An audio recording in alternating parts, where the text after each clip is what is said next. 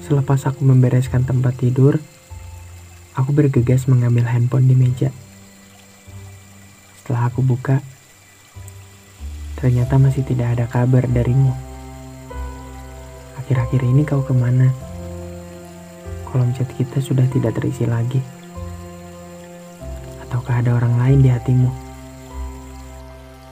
Jangan terlalu bersembunyi atas ucapanmu. Lebih baik jujur saja. Dan lebih baik pula aku mendengarnya darimu.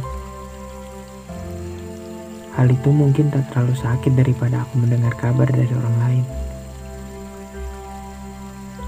Ya atau tidak, itu cukup membuatku menemukan semuanya. Antara kuat atau tidak pun, itu urusan nanti. Yang pasti, aku dan kamu sama-sama ingin menuju kepastian. Pasti saling meninggalkan, atau pasti kembali dalam ikatan. Apa kau masih ingat dengan kalimat manismu? Kau mengelus pipiku. Jangan pernah berpaling.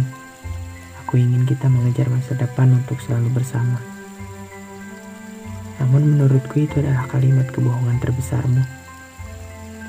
Dengan bodohnya aku mempercayai kata-katamu.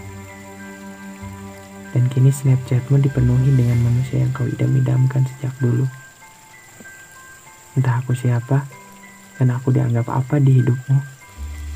Tapi setidaknya kita pernah mengisi cerita untuk setiap langkah. Lupakan kalimat masalahmu adalah masalahku, dan masalahku adalah masalahmu.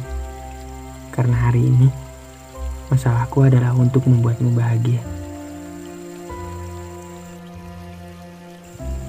Sudahlah, mari kita lupakan sejenak hal itu. Karena mengungkit sesuatu yang telah berlalu akan semakin sulit juga kita membuka hati kepada orang lain. Melepaskan adalah tentang kita mampu menjadi dewasa atau tidak. Semua tergantung pada diri sendiri. Jika ingin lepas, maka tanggung konsekuensinya. Walaupun awalnya terasa berat, tapi ingat, suatu saat kamu menjadi orang yang selalu baik-baik saja. Bijaklah dalam mencintai seseorang, karena pada dasarnya, yang kuat hatinya pun akan ada saatnya kau ingin melepaskan seseorang hanya karena hal yang tidak masuk akal. Ikhlas itu butuh waktu, bukan paksaan. Ada sebuah kalimat yang saya ingat sampai sekarang. Kau adalah makhluk yang selalu memeras dalam hayalku, memeluk setiap duka yang tersemat di dadaku. Walaupun itu tidak satu arah dengan yang saya bicarakan sekarang, tapi itu yang selalu ada dalam pikirku. Yang selalu memotivasi hidupku. Itu kata-kata saya beberapa waktu lalu karena ia selalu menghantui pikiranku.